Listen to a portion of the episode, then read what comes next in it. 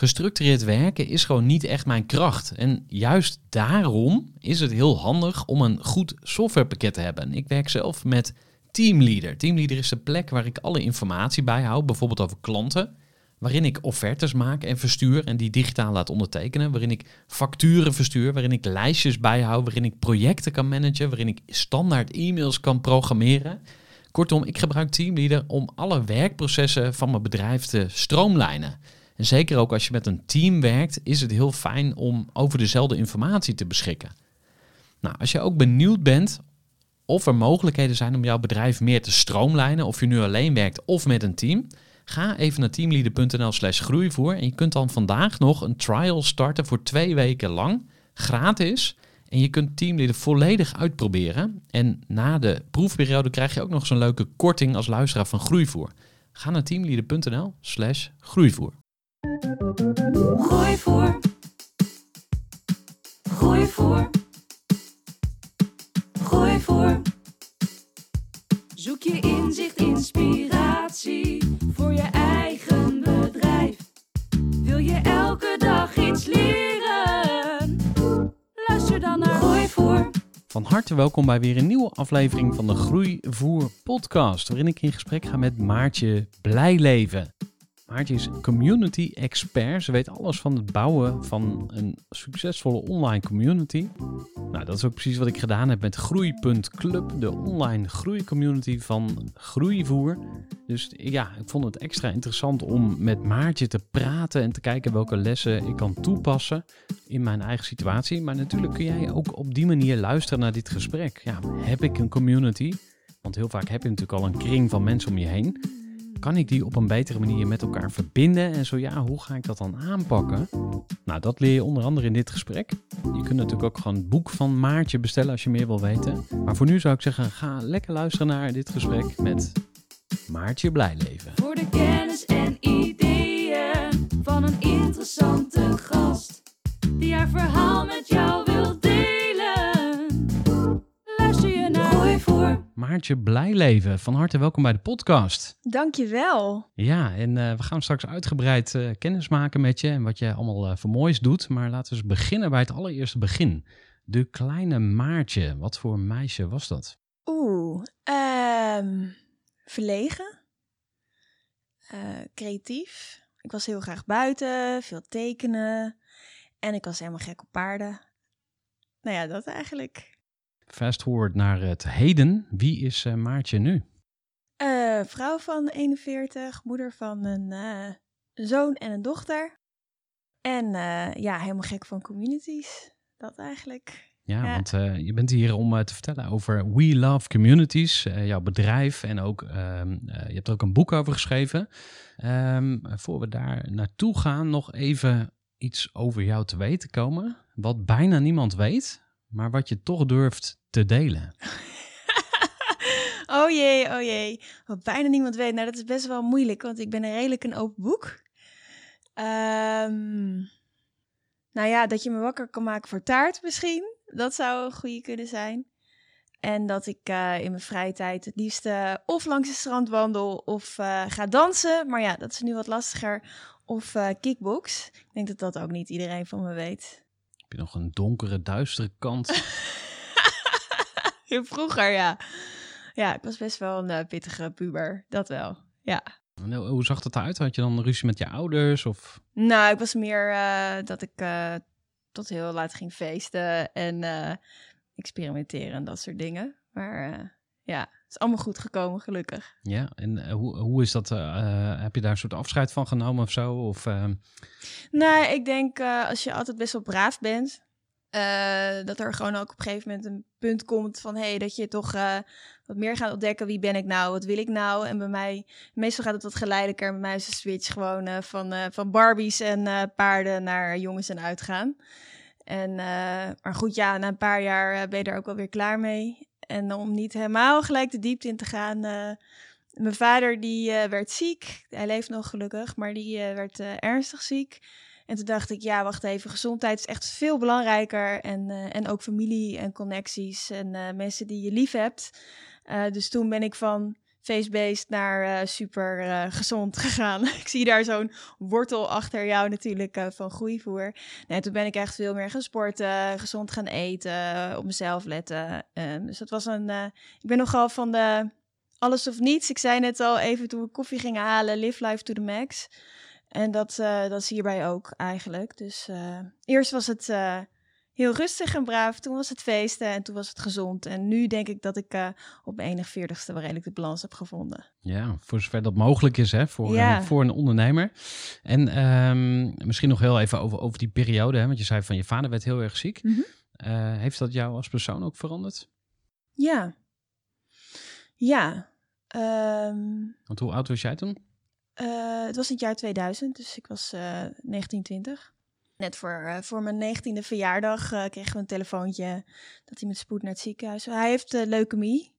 maar goed, 20 jaar later leeft hij er nog steeds mee gelukkig. Dus dat kan ook. Het kan ook goed gaan, maar dat weet je niet als je nieuws krijgt.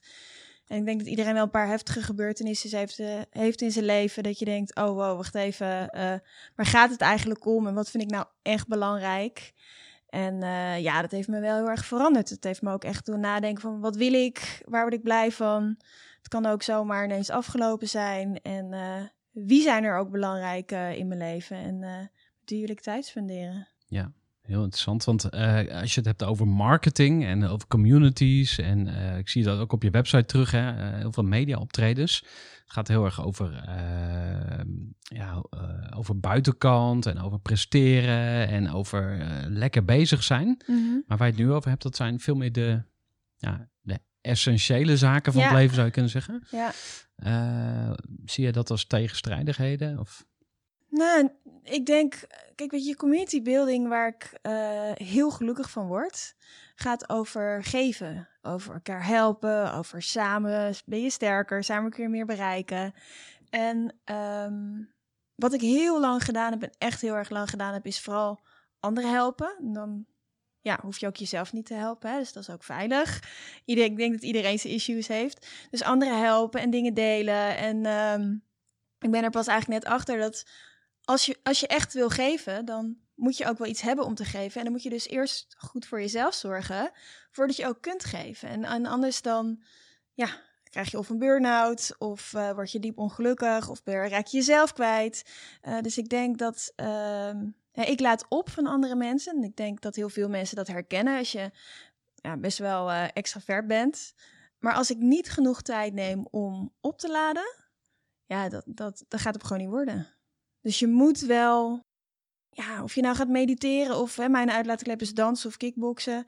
Ik doe nu ook steeds meer ook wel mediteren of buiten wandelen. En ik denk dat iedereen dat wel nodig heeft om toch die batterij ook weer op te laden. Ja, hey, je zei ik ben daar pas recent achter gekomen. Ja. Hoe, hoe dan? Oeh, je zijn we wel allemaal. Uh... That's what I do, baby. Oké, oké, oké. Nou, um, ik heb een paar maanden geleden mijn levensverhaal verteld voor het eerst uh, op het podium. En uh, uh, ik heb uh, op mijn zevende een, een heftig trauma meegemaakt, waardoor ik eigenlijk in de overleefstand ben gegaan. En ja, daardoor gericht was op anderen helpen, want dan hoef je jezelf niet te helpen.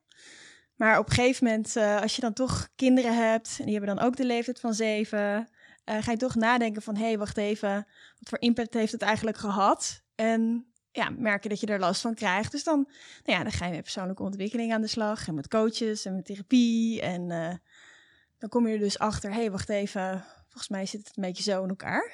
Ja. En, uh, ja. ja. Heel interessant. Hè? Ik, ik was hier gisteren in gesprek met uh, een paar uh, ondernemers, ook voor de podcast. En uh, een daarvan die ken je ook, dat is Boris Veldhuizen van Santen. Mm -hmm. En um, we hadden het over waarom onderneem je nou eigenlijk? En de stelling die ik toen op tafel gooide was van uh, eigenlijk elke ondernemer heeft wel een trauma. Of die heeft iets te bewijzen, of er zit ergens uh, een pijn of een, een ding, zeg maar, waardoor die ondernemer de behoefte heeft om iets te compenseren of te, te, te manifesteren. Of ja, de drijfveer, zeg maar, achter waarom je onderneemt. En um, over trauma's gesproken, toen ik 14 was, is mijn uh, moeder overleden. En we, hadden een gezin van zeven. Hè, dus dat was echt een enorme uh, impact. Uh, binnen negen maanden was ze ook weg. Eh, dus dan moet je je voorstellen, mijn eh, zus was toen denk ik ook 19 of 20 of zo. Dus die stond gewoon te koken voor het hele gezin.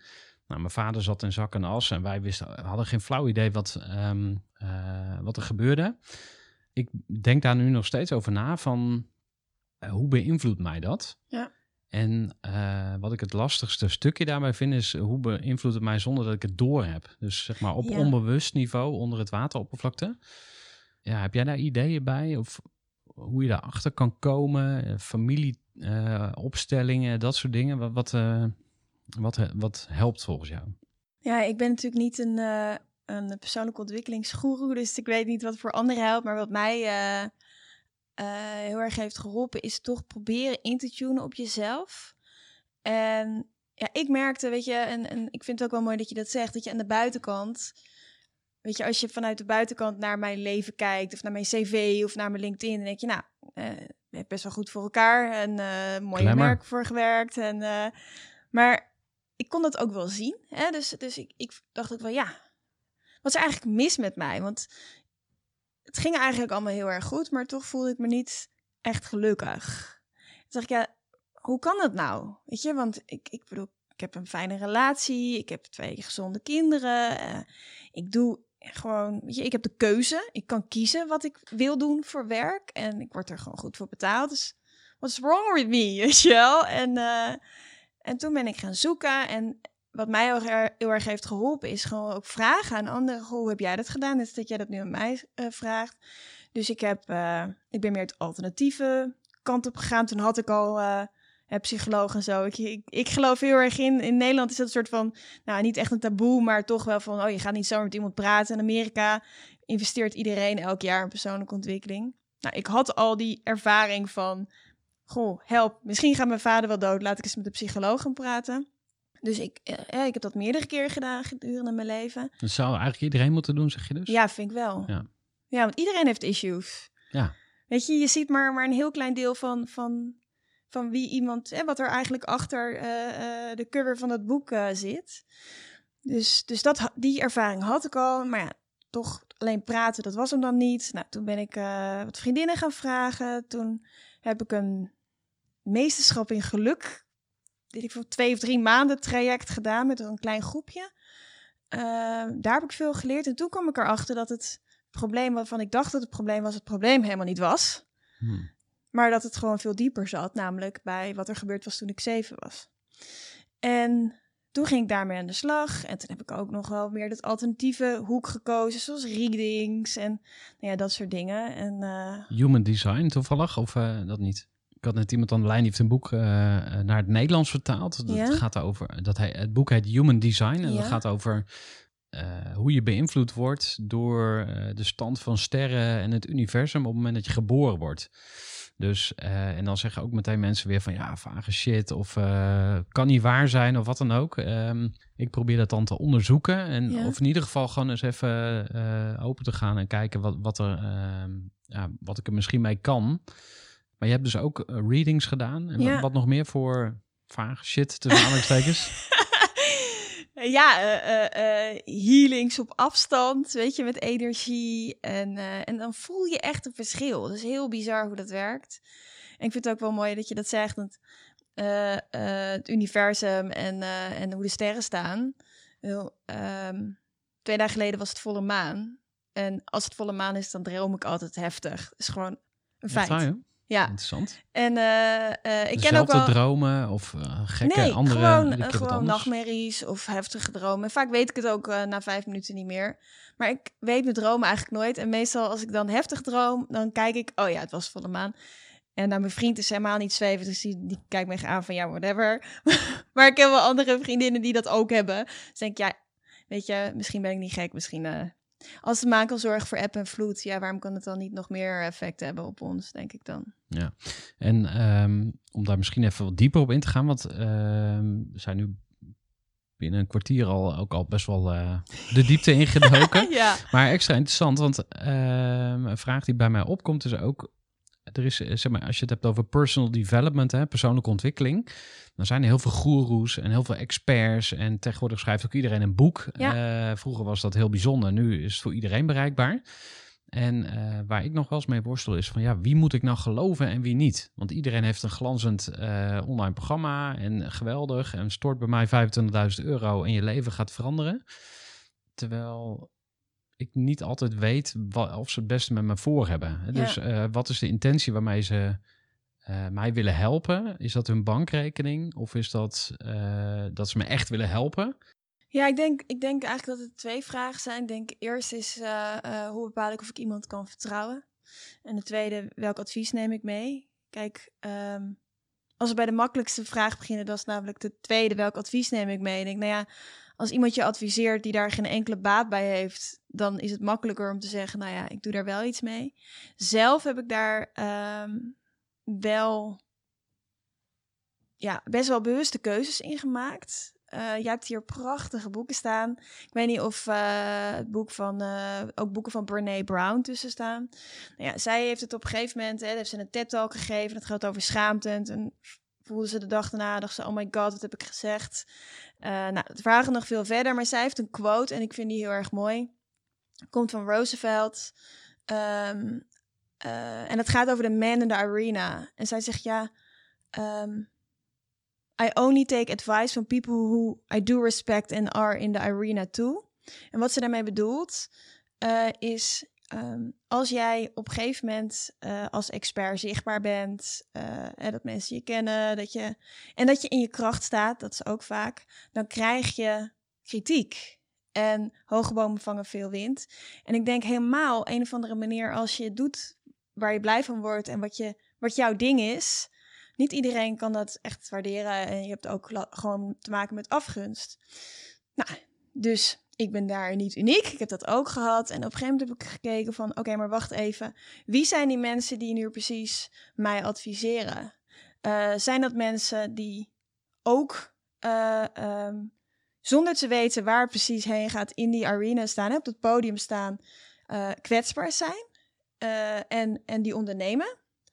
Of zijn dat en dat is echt met alle respect dat ik dit zeg. Of zijn het mensen die in loondienst zijn, die elke 22 van de maand gewoon in geld krijgen, niet zichtbaar zijn en als beste stuurlui staan aan wal even kritiek aan het leveren zijn. Hè? Net als dat we met het EK, WK ook 17 miljoen coaches hebben. Ik heb voor mezelf bedacht, oké, ik neem alleen nog maar, net als Brene Brown zegt, eh, kritiek aan van mensen die eh, ook in die arena staan, die ook willen groeien, die eh, ook anderen willen helpen, waarvan ik voel, oké, die intenties zijn goed.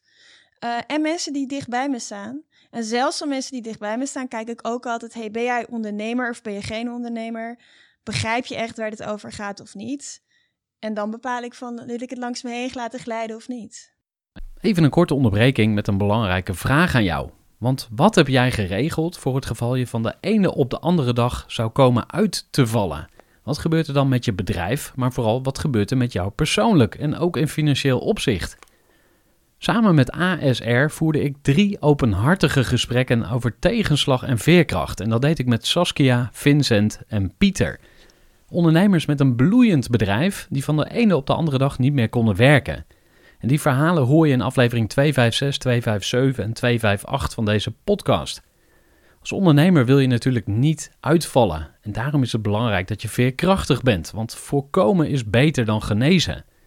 En als het dan toch misgaat, is het fijn dat je iets geregeld hebt, zodat je weer snel door kunt met ondernemen. Wil je weten hoe veerkrachtig jij nu bent? Vul dan in twee minuten de veerkrachttest van ASR in. Ga naar asr.nl slash veerkrachttest ondernemers. En soms kan het je ook eh, misschien raken. Ja. Dan heb je niet eens een keuze om het langs je heen te... Dan is, Ja, want dat, dat, eh, lijkt me met die haters, hè, eh, om het even zo te noemen. Maar ben je daar een beetje aan gewend geraakt of zo? Of is het minder geworden? Of, eh, Het valt mee. Ik moet eerlijk zeggen dat ik eh, niet zo heel veel last van heb. wat trigger jij bij mensen, denk je? Nou mijn achternaam is Blijleven.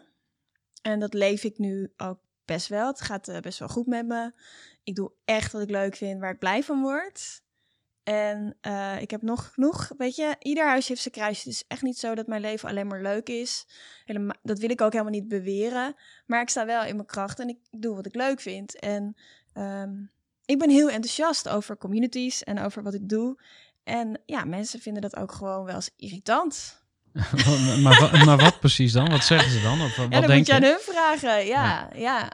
Maar dat zie ik wel. Van. En ik denk op het moment dat je zel- jezelf in de spiegel aan kan kijken en weet, ik ben een integer persoon. Ik, ben, ik heb oprecht goede bedoelingen met andere mensen. Ik wil mensen echt helpen. Ehm, ja, dan is het ook, dan is het niet leuk om kritiek te krijgen, maar dan weet je wel gewoon, het is oké, want ik weet dat ik oké ben. Laten we eens gaan kijken naar eh, de tijd voordat je ondernemer werd. Want Ja. eh, we hebben het gehad over het kleine meisje. Eh, we zijn best wel diep ook al meteen gedoken in jouw levensverhaal. Je bent niet altijd ondernemer geweest. Wat heb je daarvoor gedaan? Ik heb heel lang gevriend. Ja, ik heb echt een hele lijst, eh wassenlijst gedaan aan, aan beroepen. Ik ben internationaal fotomodel geweest, dus heb ik veel gereisd. Ik heb bij tv gewerkt, geschreven. ehm, mijn eerste boek geschreven op mijn 22e. Heel veel geschreven, ook freelance, ook marketing, communicatie en content eh, gedaan. Bijvoorbeeld voor grote bedrijven. Denk aan Postco Loterij, Heineken, eh, Peugeot, eh, Schiphol. Veel interimmen. En ja, ik hou heel erg van dingen opbouwen. Dus ik heb bijvoorbeeld voor Postco Loterij een online gaming community opgezet met 600.000 leden. Heineken heb ik verschillende campagnes gedaan. Dus altijd eh, iets opzetten met de kop en de staart. En eh, als het dan staat, dan word ik meestal onrustig en dan eh, ga ik er wat anders doen. En die communities, was er toen een soort magisch moment waarop je zei van oké, dit is wie ik ben en daar ga ik mee verder? Of ging dat heel geleidelijk? Of hoe zou je dat omschrijven? Nou, ik ben eigenlijk vanaf kind af aan, eh, ondanks dat ik verlegen was, wel heel altijd bezig geweest met community building. Om dat te begrijpen moet je iets meer weten eh, over het nest waar ik vandaan kom. Dus mijn ouders zijn eh, heel sociaal, eh, best links. Ze hadden thuis de Volkskrant en de VPRO-gids. En, en weet je, mijn ouders zaten in de organisatie van het buurtfeest. Ze doen allebei vrijwilligerswerk. Ze kennen elkaar ook via vrijwilligerswerk. En saamhorigheid, gelijkwaardigheid en zelfstandigheid, dat waren onze, onze waardes. En dat zijn ook nog steeds mijn waardes. Dus dat is een beetje met wat, je, wat je hebt geleerd als kind. En ehm, ik was dus eigenlijk altijd bezig met groepen mensen en saamhorigheid. Dus in de buurt of op school of op het werk. eh, eigenlijk altijd. En ik ben toevallig ehm, in community building gerold in het jaar 2000. Omdat ik stage ging lopen bij Endemol en RTL. Bij het tv-programma Big Diet. En eh, Dat kennen we nog wel. heel lang was, geleden. wat, wat, wat, wat, wat deden ze ook weer bij Big Diet? Eh, er waren zes mannen en zes vrouwen die gingen in het kasteel in de buurt van Maastricht eh, een tijdje wonen. En een soort van Big Brother, onder, onder het zicht van camera's gingen ze dan zoveel mogelijk afvallen. En wij deden dan een, een online community ernaast. En in het begin was het van, ja, we hebben een tv-programma en oh ja, lekker belangrijk, we hebben ook nog internet. Totdat eigenlijk iedereen erachter kwam van, hé, hey, maar wacht eens even. Ehm, door die community, door, door, doordat er een groep mensen was die ook ging afvallen en ook ging meedoen, wij hadden direct contact met, met, eh, met de doelgroep. En je kan je voorstellen, als je een tv-programma maakt, weet je niet wat mensen zeggen als ze op de bank zitten, als ze kijken. En ineens hadden die tv-makers ook gewoon rechtstreeks toegang tot die kijkers. En waar het in het begin was, oh, we hebben ook nog internet, was het een beetje aan het eind van het programma van, eh, nou, wat speelt er nog? Zijn er nog onderwerpen die mensen interessant vinden? Hey, kunnen misschien een item over maken? En ja, toen dacht ik, wauw, dit is echt magisch. Dit is fantastisch. Ja, en vanuit het een naar het ander ben ik eigenlijk steeds in een ander project gerold. Ehm, totdat ik in eind 2017, hè, dat was ook een beetje die periode dat ik dus ja, niet echt happy was en dacht, wat wil ik nou eigenlijk? Dat ik zei, ja, ik wil gewoon iets doen om toch ook nou, mijn bijdrage te leveren aan deze wereld. En ja, dan denk ik van ja, wat, wat kan je dan doen, zeg maar? En eh, nou ja, mijn eh, superpower is mensen bij elkaar brengen. Eh dus dacht ik, nou ja, laat ik dan met een paar andere twee communities opzetten. Women Talk Tech en Include Now. Gewoon simpele Facebookgroepen, helemaal niet eh, fancy. Om groepen mensen bij elkaar te brengen die een gemeenschappelijk doel hadden of een gemeenschappelijke ambitie.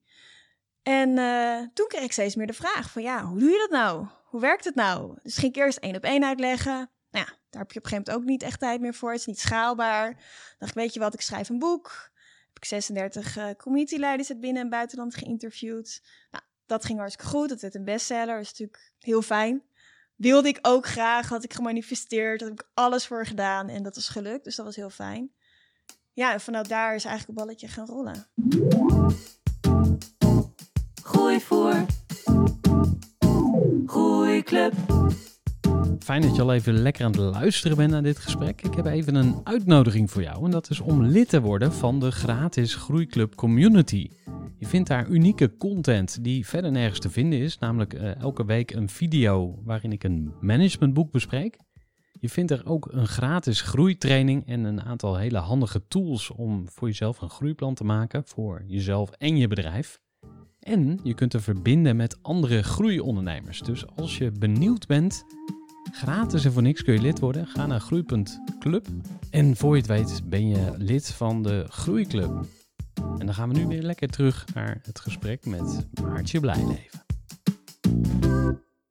Luister lekker verder naar Gooi voor. Ik vroeg je van wat deed je voordat je ondernemer werd? Eh, dat heb je verteld. En toen ging je dus eh, voor jezelf werken. Mhm. Eh, weet je nog de dag dat je naar de Kamer van Koophandel fietste? Hoe, hoe ging dat eh, stukje? Ja, maar dat is al heel lang geleden. Dat is echt, ehm, ik denk in 2001, met mijn vader. Ja, vertel. Want die, die Ehm, was socialist en toen ging jij ineens ondernemen. Dat kan toch niet? Kapitalist en dan ging je ook nog eens voor die corporate werken. Hoe ging dat? Nou, het was meer, eh, waarom ga je in hemelsnaam modellenwerk doen als je ook nog eh, je hersens kan gebruiken? Die, die discussie kwam eerst. Eh nou, uiteindelijk is het gewoon heel simpel. Weet je, mijn ouders willen gewoon dat hun kinderen gelukkig zijn. En je moet ook je eigen keuzes kunnen maken. Ik ben ook nog stewardess geweest, vonden ze ook niet zo grappig. Nee. Maar ik ben dus wel eh, ondernemen. Ik denk dat het interessant is om te zeggen, van, ja, wat is ondernemen? Ik dacht namelijk als freelancer dat ik ondernemer was. Dacht ik. En dat dacht ik ook oprecht. Ja, ik ben ondernemer. Nu denk ik, nee, nee, nee, nee. Freelancen en interimmen, tuurlijk. Je bent ZZP'er, je hebt eh, een inschrijving met de Kamer van Koophandel, maar dat is een totally different ballgame dan dat je daadwerkelijk ondernemer bent die producten of diensten verkoopt. Dat is echt iets anders. Ja, schets dat eens. Nou, Wat, ehm, wat, wat maakt het zo anders? nou, als je bijvoorbeeld hebt over marketing. Ik, ik heb namelijk, ik denk dat ik al twintig jaar officieel ondernemer ben, maar pas een paar jaar voel ik me ook echt ondernemer. Sinds Ehm, 2017 dan? Of waar is die omslag zoiets. gekomen? Ja, Ja. zoiets. zoiets. Toen heb ik ook verschillende concepten geprobeerd. Ik had eerst eh, digital coaching voor directeuren. Maar ja, dat is een heel ander verhaal. Dat vond Wat, ik ook, wat voor eh, coaching zei je? digital coaching. Ja. Dus ik, wa- wat ik, ik hou van dingen bouwen. En als ik een gat eh, in de markt zie, denk ik, oh, hey, misschien kunnen we daar wel iets mee. En wat ik zag, ik was natuurlijk, ik had die hele, die hele, ehm, ja, nou ja, opgang, hoe noem je dat? Die hele ontwikkeling van internet meegemaakt. Hè? En ik ben, nou, misschien is dat wel wat, wat weten niet zoveel mensen van mij. Is ik ben best wel nerdy. Ik hou- kan ook websites bouwen en dat soort dingen. Dat vind ik ook leuk. Ik klus ook leuk. en Je jogging, eh, je oude t-shirt, Ja hoor, in mijn hoodie. bril op. En eh, ja, als ik die had. Nee, maar eh, ik bedoel, dan hebben we het gewoon over simpel HTML, CSS. Een database kan ik ook nog aan koppelen. Ik ik wil het echt eh, eh, behoorlijk bagatelliseren. Want de, de websites van nu zijn gewoon een stuk ingewikkelder. Maar ik kan dat, ik kon dat wel. En ik dacht, ja, heel veel directeuren van midden- en grote bedrijven... die zijn niet digital native. Dus die zijn, dat, dat is gewoon... De meeste zijn wat ouder al. En dacht ik, ja, hoe tof is het als ik dan onafhankelijk, als onafhankelijk adviseur, hen kan eh, eh, adviseren. En als ik het niet weet, gewoon allemaal experts erbij kan halen. Waarom? Omdat je ziet dat die directeuren moeten belangrijke beslissingen nemen, weten vaak niet precies wat er speelt. En die laag eronder, die heeft natuurlijk ook een eigen agenda. Dus een IT-directeur heeft ook gewoon zijn targets. Die gaat echt niet alle ingewikkelde trends en ontwikkelingen uitleggen eh, op het moment dat het dat hem of haar niet uitkomt. Ja. Snap Dus je hoe dus? moet je het dan aansturen inderdaad? Ja, maar eh, dat, dat had ik eerst gedaan. maar Toen kwam ik erachter. Was hem niet? Nou, dat was hem niet. Nee, dat was, eh, dat was mislukt. Dus je hebt echt heel veel uitgeprobeerd eigenlijk. Hè? Dat is wel grappig. En, en Ja. toen ben je dus bij communities uitgekomen. Ja. En je had het net over, ik ging een boek schrijven. En dan is het fijn om te weten, eh, wie is mijn doelgroep? Ja. En wie, had je dat ook meteen helder? Of heb je daar nog eh, mee gespeeld? Heb ik wel mee gespeeld. En wat is het geworden? Eh is heel slecht, hè? Want strategie is kiezen en niet kiezen is verliezen. Eh, ik heb een hele bewuste keuze gemaakt. ehm, en, en ik denk dat dat ook wel een mooi bruggetje is naar dat vertrouwen waar we het eerder over hadden. Ik, we, ik weet dat iedereen in Nederland en België baat heeft bij een community. Niet alleen ondernemers, iedereen. Waarom? Wij zijn, mensen zijn groepsdieren. Dat zit in onze DNA. Vroeger was het heel simpel. Was er geen internet, geen mobiele telefoons. Uh, als je ouders naar een kerk of een moskee of een synagoog gingen, ging jij mee en hoorde je bij die community.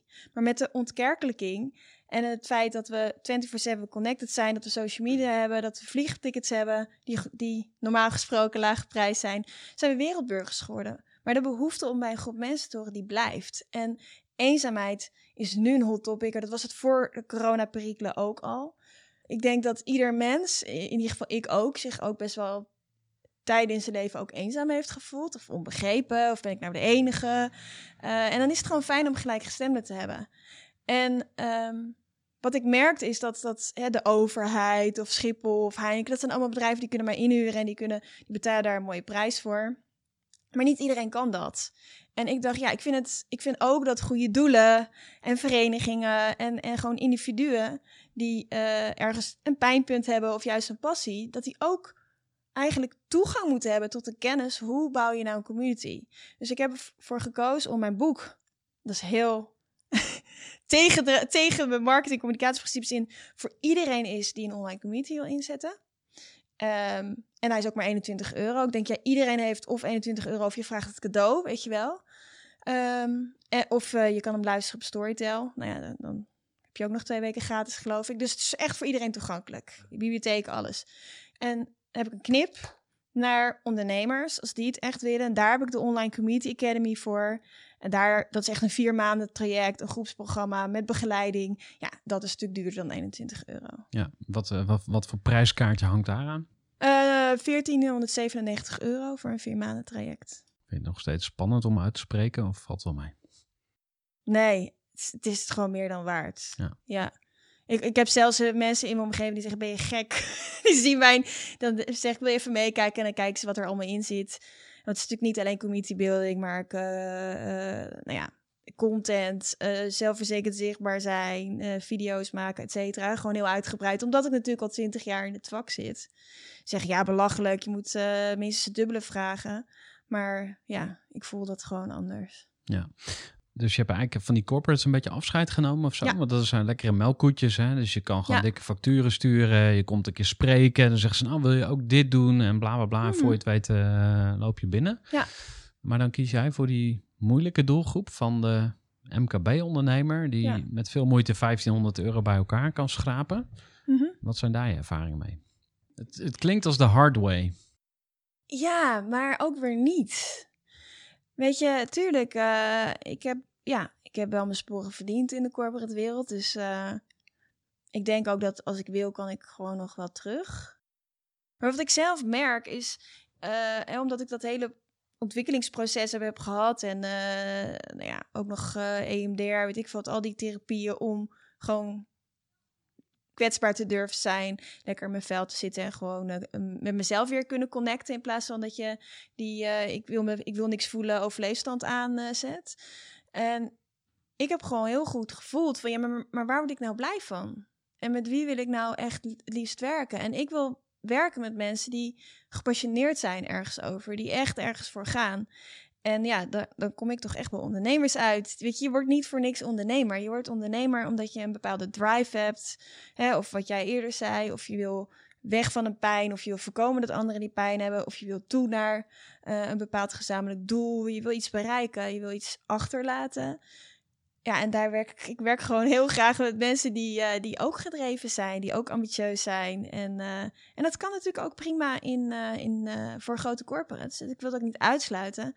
Maar ja, strategie is kiezen. En, en dan ga ik ook vol ergens voor. Ja, um, om maar gewoon lekker door te gaan over het, uh, het onderwerp communities. Want uh, je had het net over de leegloop van de kerken. Nou, wat jij niet weet, misschien is dat ik uh, een hele kerkelijke achtergrond kom. heel christelijk opgevoed. Nee, wist ik niet. Um, dus wij gingen twee keer per week naar de kerk, elke zondag. Ja. En nou, dat heb ik op een gegeven moment los, losgelaten.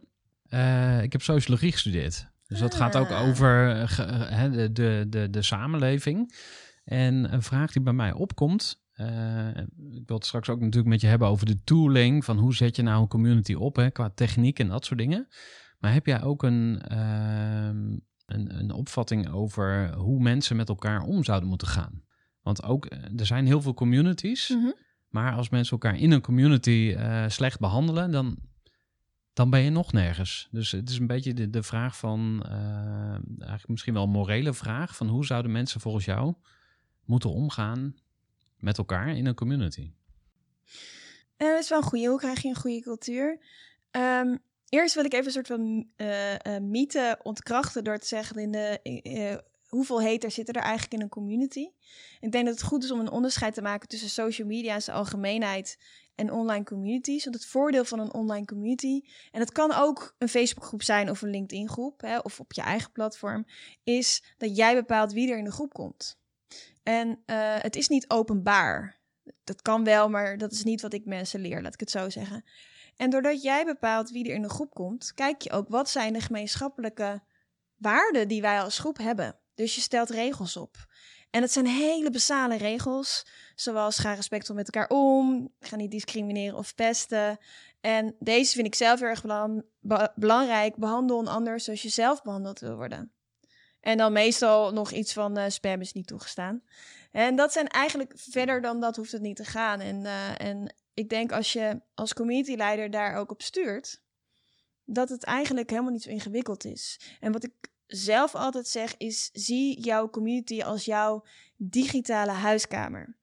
Dus wat mensen niet zien is dat wij in een heel fijn kantoor hier bij jou zijn en dat er fijne vibe is en hier mooie gordijnen hangen en een leuk bankje en mooie boeken. En ik, ik zei al tegen je, oh wat een fijne plek. Je, ik voel jouw vibe. Ik denk, oh dit is fijn. En hetzelfde wil je online. En misschien wel een van de meest gemaakte fouten is, is dat mensen denken, nou, ik open, ik, ik koop een platform of ik zet een forum ergens neer of ik open een, een groep. Nou, ik ga mensen eh, eh, binnenhalen. Maar denk ik, ja, maar toen jij hier de eerste dag kwam, nou, toen zag er 100% anders uit als, als nu. Ging je toch ook geen housewarming geven of officewarming? Nee, je zorgt eerst dat het gezellig is, dat er wat content is, eh, dat er duidelijk is dat jij de host bent, een welkomstvideo, zodat mensen weten wat ze kunnen verwachten, wat interessante content, hè, dat mensen, waar mensen op aangaan. En dan pas ga je mensen uitnodigen. En hoeveel controle heb je dan over zo'n community? Want ik. Controle heb je niet. Nee. Moet je ook niet willen. Ik denk eh, dat je ook, eh, als je het hebt over leiderschap, je hebt managers en je hebt leiders. En eh, in Dare to Lead van Brene Brown legt ze dat ook heel goed uit. Ik denk dat je community wel kan leiden eh, naar een gemeenschappelijke doel of een, een, een gemeenschappelijke visie, elkaar helpen, eh, maar niet managen. Tuurlijk, je hebt de, de functie community manager hè, en dan kun je wel letten op dat niemand zich de regels overtreedt of dat er wel goed om wordt gegaan met, met ethiek en normen en waarden. Maar het leiden van een groep, daar heb je, je kan het niet controleren, maar je kan wel inspireren. Ehm, je hebt het nu gehad over, eh, stel je gaat een community ehm, eh, oprichten. Uiteraard staat er in je boek ook een eh, stappenplan voor. Maar voordat je echt een community gaat bouwen, daar zit misschien nog een stap voor van, hey, waarom zou je eigenlijk een community willen? Wat, wat is een, eh, volgens jou een goede reden of een goede intentie? Als stel je voor dat je het als marketingtool in zou willen zetten. Stel je voor dat. Je hebt een aantal fases die mensen doorgaan voordat ze klant worden. En eh, tuurlijk, sommige mensen die worden meteen klant, maar dat is misschien 5%. 95% van de mensen wil eerst, moet eerst überhaupt weten dat je er bent. Dan vind ik jou wel leuk. Kan ik wel met je levelen. Dan vertrouwen. Vertrouw ik jou? Ben jij wel de expert of kan iemand anders me beter helpen? En dan gaan mensen pas, pas kopen. En een, een online community is eigenlijk de enige plek waar al die fases samenkomen. Ehm, dus dat is een, een, eh, een drijfveer voor jezelf. Maar ik denk dat je hem iets breder moet zien. Een succesvolle community is eigenlijk een win-win-win situatie. Ja, is, het is een driehoek. Allereerst heb je de leden. Zonder eh, leden geen community. Eh, dus je wil de win voor de leden is dat zij anderen herkennen, erkennen die hetzelfde hebben meegemaakt of dezelfde fase van het leven zitten of dezelfde ambitie hebben, zeg maar iets gemeenschappelijk hebben en elkaar dus helpen en naar volgend niveau tillen. Dus daar zit de win voor de leden in. En zonder waarde is er ook geen community. Nou, de tweede win voor jou als ondernemer is voor je bedrijf. Je, je leert je doelgroep heel goed kennen. Je weet precies waar ze behoefte aan hebben, wat hun pijnpunten zijn, wat hun verlangens zijn, wat ze graag willen. Je kan co-creatie doen. Dus als jij, ehm, voorbeeld, ik heb negen maanden pas mijn eigen. Eh, ik ben een beetje dus de, de, de loodgieter waar de kraan ook lekt. Dus ik heb negen maanden geleden pas de Community Leaders Club opgezet. Eh, mijn eigen gratis community. Ik had wel eentje voor mijn klanten. Nou, er zitten nu 3600 eh, ondernemers in. Dus wel best wel veel. Gewoon een Facebookgroep. Nothing fancy verder. Het gaat echt om die connectie. En wat ik zag gebeuren is dat Clubhouse kwam. En ik zag, ik zag dat al, ja, dat je, je bent toch geïnteresseerd in je vak, dus ik, ik merkte dat al. En toen kreeg ik steeds meer vragen vanuit mijn community. Van, hé, hey, maar hoe werkt het nou? Hoe doe je dat nou? dacht ik, weet je wat? Ik maak een Nederlandstalige handleiding. Gewoon gratis, omdat ik het leuk vind. En ehm, nou, heel veel mensen in mijn community. Ik merkte het met mijn community. Dus ik zei letterlijk: wat wil je weten? Hoe kan ik je helpen? Nou, ging ik dat maken. Ging ik aan de community vragen: Goh, is dit wat je verwacht? Nou, eigenlijk wil ik dit nog, dit nog. Nou, oké, nou, aangepast. Nederlandse handleiding stond. Maar ja, ik ben ook een ondernemer en eh, ik ben geen eh, stichting, dus je moet ook geld verdienen. Toen kwam ik erachter in de community dat mensen zeiden: Ja, maar hartstikke leuk dat ik nu weet hoe het werkt. Maar hoe moderate ik nou een room in Clubhouse? Hoe doe ik dat? En, hoe haal ik er dan eigenlijk eh, klanten uit? Hoe werkt dit, weet je wel? dacht ik, oké, nou, dan maak ik een e-book met mijn community. En want ik kreeg al die vragen. En die heb ik aangeboden voor 7 euro. Dus dat is ook niet eh, de wereld, zeg maar. Maar gewoon even dat, ik, dat, het, eh, dat het inderdaad transactioneel is. Eh, want ja, je moet ook... Je bent ondernemer en wat heb je nodig? Je hebt een product of dienst en je hebt een achterban die het koopt. Anders ben je geen ondernemer. Ben je iets anders. En samen met mijn community, echt met co-creatie, heb ik ook gevraagd: ik ben op zoek naar 10 eerste lezers. Die mogen het gratis lezen. Laat me weten wat je van vindt. Geef me feedback. Wordt het beter? En dat bedoel ik met een soort onweerstaanbaar aanbod.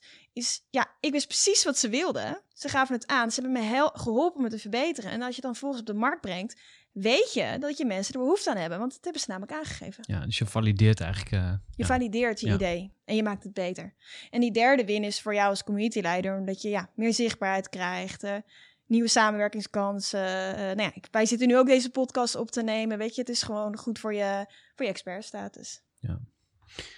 Ik heb zelf eh, ook een community, de Groeiclub voor Ondernemers. Yes. Ehm, eh, wa- wat kun je vertellen over het opschalen van een community? En ehm, hoe kun je daar eh, andere mensen eh, bij betrekken? Ehm, ik denk dat het heel erg belangrijk is, eh, als we even deze case eh, aannemen, denk ik wel leuk is, als je eh, weet, ehm, hè, mijn stap 1 is altijd onderzoek doen, dus dat je gewoon goed kijkt, hey, wie is precies mijn doelgroep, wat zijn behoeftes, eh, welke trends en ontwikkelingen spelen nu en hoe kan ik daarbij bij- aan bijdragen met mijn community en ook met mijn business. Nou, stapje 2 is even in een notendop, is de strategie, waarbij je kijkt van, hey, wat maakt mijn groep, die, eh, die, die online community ook van jou uniek, sociaal en relevant? Wat is de, de, ja, het onderscheidend vermogen? En dat je daarna gaat kijken, en voor wie is dat precies? En, en, en hoe help ik eh, mensen? Nou, ik denk dat het heel mooi is als je met 60 personen bent. ehm, dat je ja, opnieuw gaat, eigenlijk weer opnieuw naar stap 1 gaat en gaat onderzoeken van wat willen zij nou eigenlijk?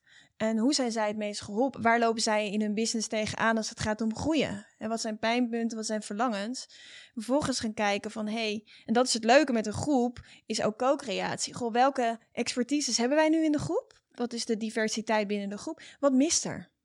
Hè, want misschien, eh, jij komt ook natuurlijk vanuit een, eh, een, een achtergrond. Je hebt je netwerk en het netwerk van het netwerk. En je trekt bepaalde mensen aan. Waarschijnlijk zit er ook, is er ook nog een, eh, een, een, een, deel onbenut. Eh, of dat je zegt, ja, ik zeg maar fietsen, omdat we het hebben over marketing en sales. Er zitten heel veel marketing en sales professionals in, maar er zitten geen eh, business analisten in. Ik zeg maar fietsgeks.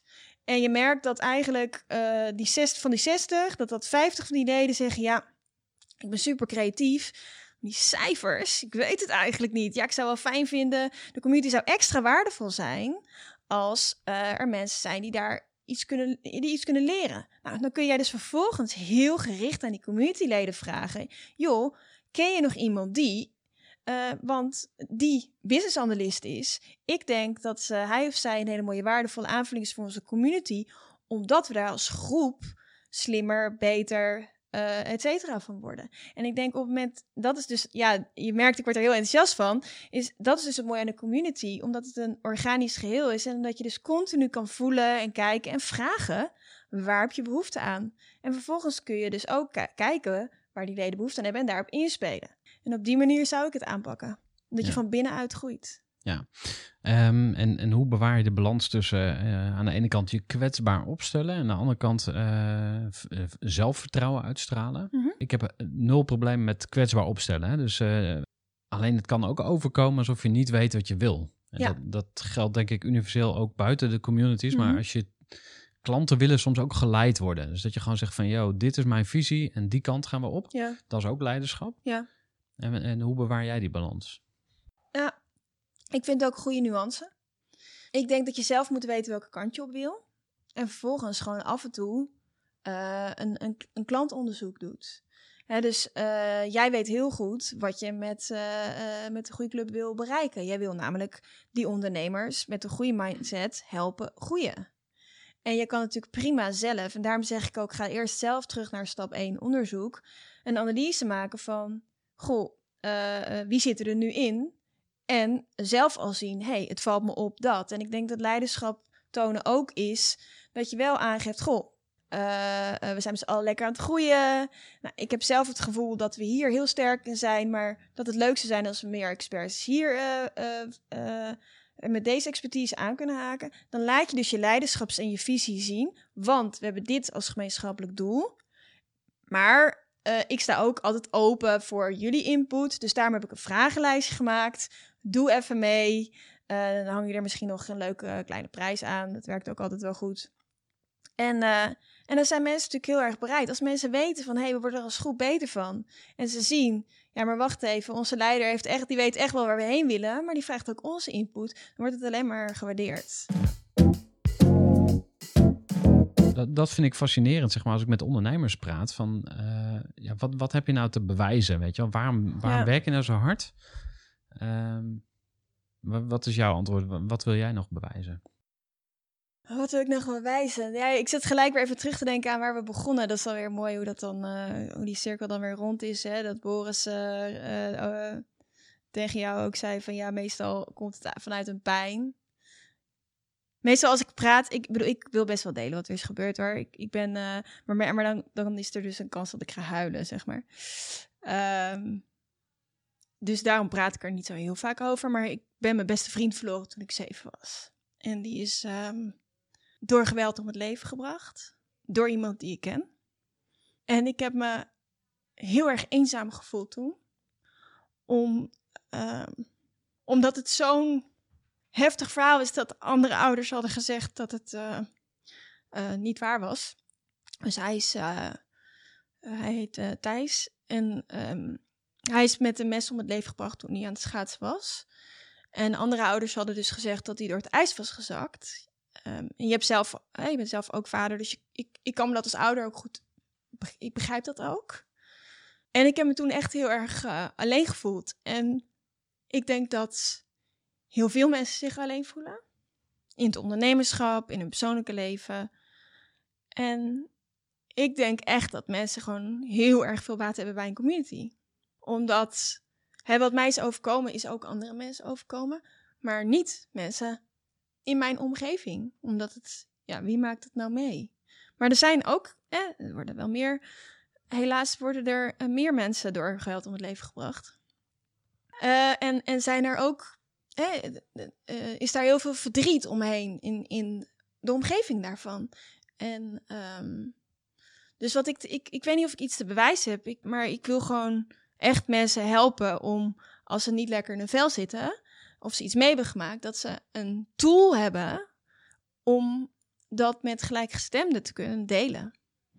En daar komt eigenlijk mijn drive vandaan. Dus het is eh, eh, vanuit een, een eigen behoefte als kind. En ik denk als je zoiets meemaakt, dan ga je gewoon zo'n overleefstand dat je dus niet voelt. Want dan eh, is dat veilig. Hè? Daarom zeg ik, ik heb ook heel lang anderen geholpen. Voordat ik inzag, misschien moet ik eerst mezelf helpen. En ja, ik denk, iedereen heeft zo'n superpower. En ik heb toevallig geleerd hoe je een online community moet inzetten. En daarom heb ik dat boek ook geschreven. Omdat dat is niet per se voor ondernemers. Dat is gewoon voor iedereen die denkt... Ik heb, ik heb anderen nodig waar ik, waar ik het mee over kan hebben. Wat mij is overkomen. Of, of juist iets leuks. Hè, wat, het kan ook iets leuks zijn dat je overkomt. En daarom dacht ik, ja, als ik dat dan in een boek zet, dan hoef je niet uh, rijk te zijn of geld te hebben om toch die kennis te hebben. Dus daar, daar komt mijn, niet bewijsdrang, maar wel mijn uh, drive vandaan om, uh, om anderen te helpen om een community op te zetten. Ja. Um, we gaan richting het einde van deze podcast. En uh, ik heb een uh, afsluitende vraag voor jou. Ja. En eigenlijk zijn we niet meer echt toegekomen aan hoe zet je nou een community op? Wat zijn de stappen? Maar dat kunnen we allemaal in je boek lezen. Maar ik heb een uh, vraag voor je. Als je 1, 1 miljoen euro advertentiebudget mocht uitgeven op LinkedIn. Holy moly. Wat zou je dan aan de wereld willen meegeven? Wees een beetje lief voor elkaar.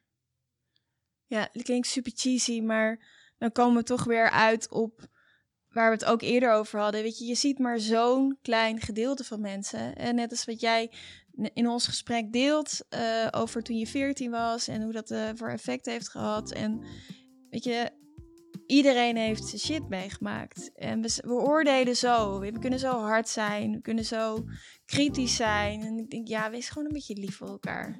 Dat zou de boodschap uh, zijn die ik wil uitdragen. Ja. Dankjewel, Maartje. Thanks. Ja, dankjewel voor het luisteren naar deze aflevering. Vond je dit waardevol? Stuur deze aflevering dan ook even door naar een van je ondernemersvrienden. Als je deze podcast nog niet volgt, dan nodig ik je van harte uit om dat even te doen. En ik wil je ook graag uitnodigen om een keer langs te komen bij de Groeiclub voor Ondernemers. Want de Groeiclub is de mastermind groep van Groeivoer, waarin we elkaar als ondernemers verder helpen. Je kunt er lid van worden, maar ja, we laten alleen mensen toe die we kennen, waarvan wij denken dat ze bij de groep passen. En natuurlijk, andersom denk jij ook van ja, wie zijn dat dan? En voel ik me daar wel thuis? En wat doen ze dan precies in zo'n mastermind groep? Nou, als je daar benieuwd naar bent, plan dan even een kennismaking in. Ga naar groeivoer.nl, klik op kennismaken. Dan zien we jou binnenkort in onze mastermind groep. Voor nu wens ik je een hele fijne dag en graag tot een volgende keer.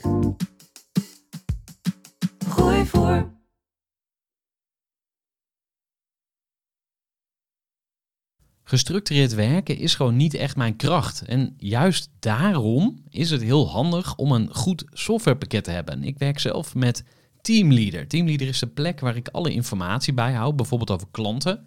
Waarin ik offertes maak en verstuur en die digitaal laat ondertekenen. Waarin ik facturen verstuur, waarin ik lijstjes bijhoud, waarin ik projecten kan managen, waarin ik standaard e-mails kan programmeren. Kortom, ik gebruik Teamleader om alle werkprocessen van mijn bedrijf te stroomlijnen. En zeker ook als je met een team werkt, is het heel fijn om over dezelfde informatie te beschikken. Nou, als je ook benieuwd bent of er mogelijkheden zijn om jouw bedrijf meer te stroomlijnen, of je nu alleen werkt of met een team, ga even naar teamleader.nl slash groeivoer en je kunt dan vandaag nog een trial starten voor twee weken lang, gratis. En je kunt Teamleader volledig uitproberen. En na de proefperiode krijg je ook nog een leuke korting als luisteraar van Groeivoer. Ga naar teamleader.nl slash groeivoer.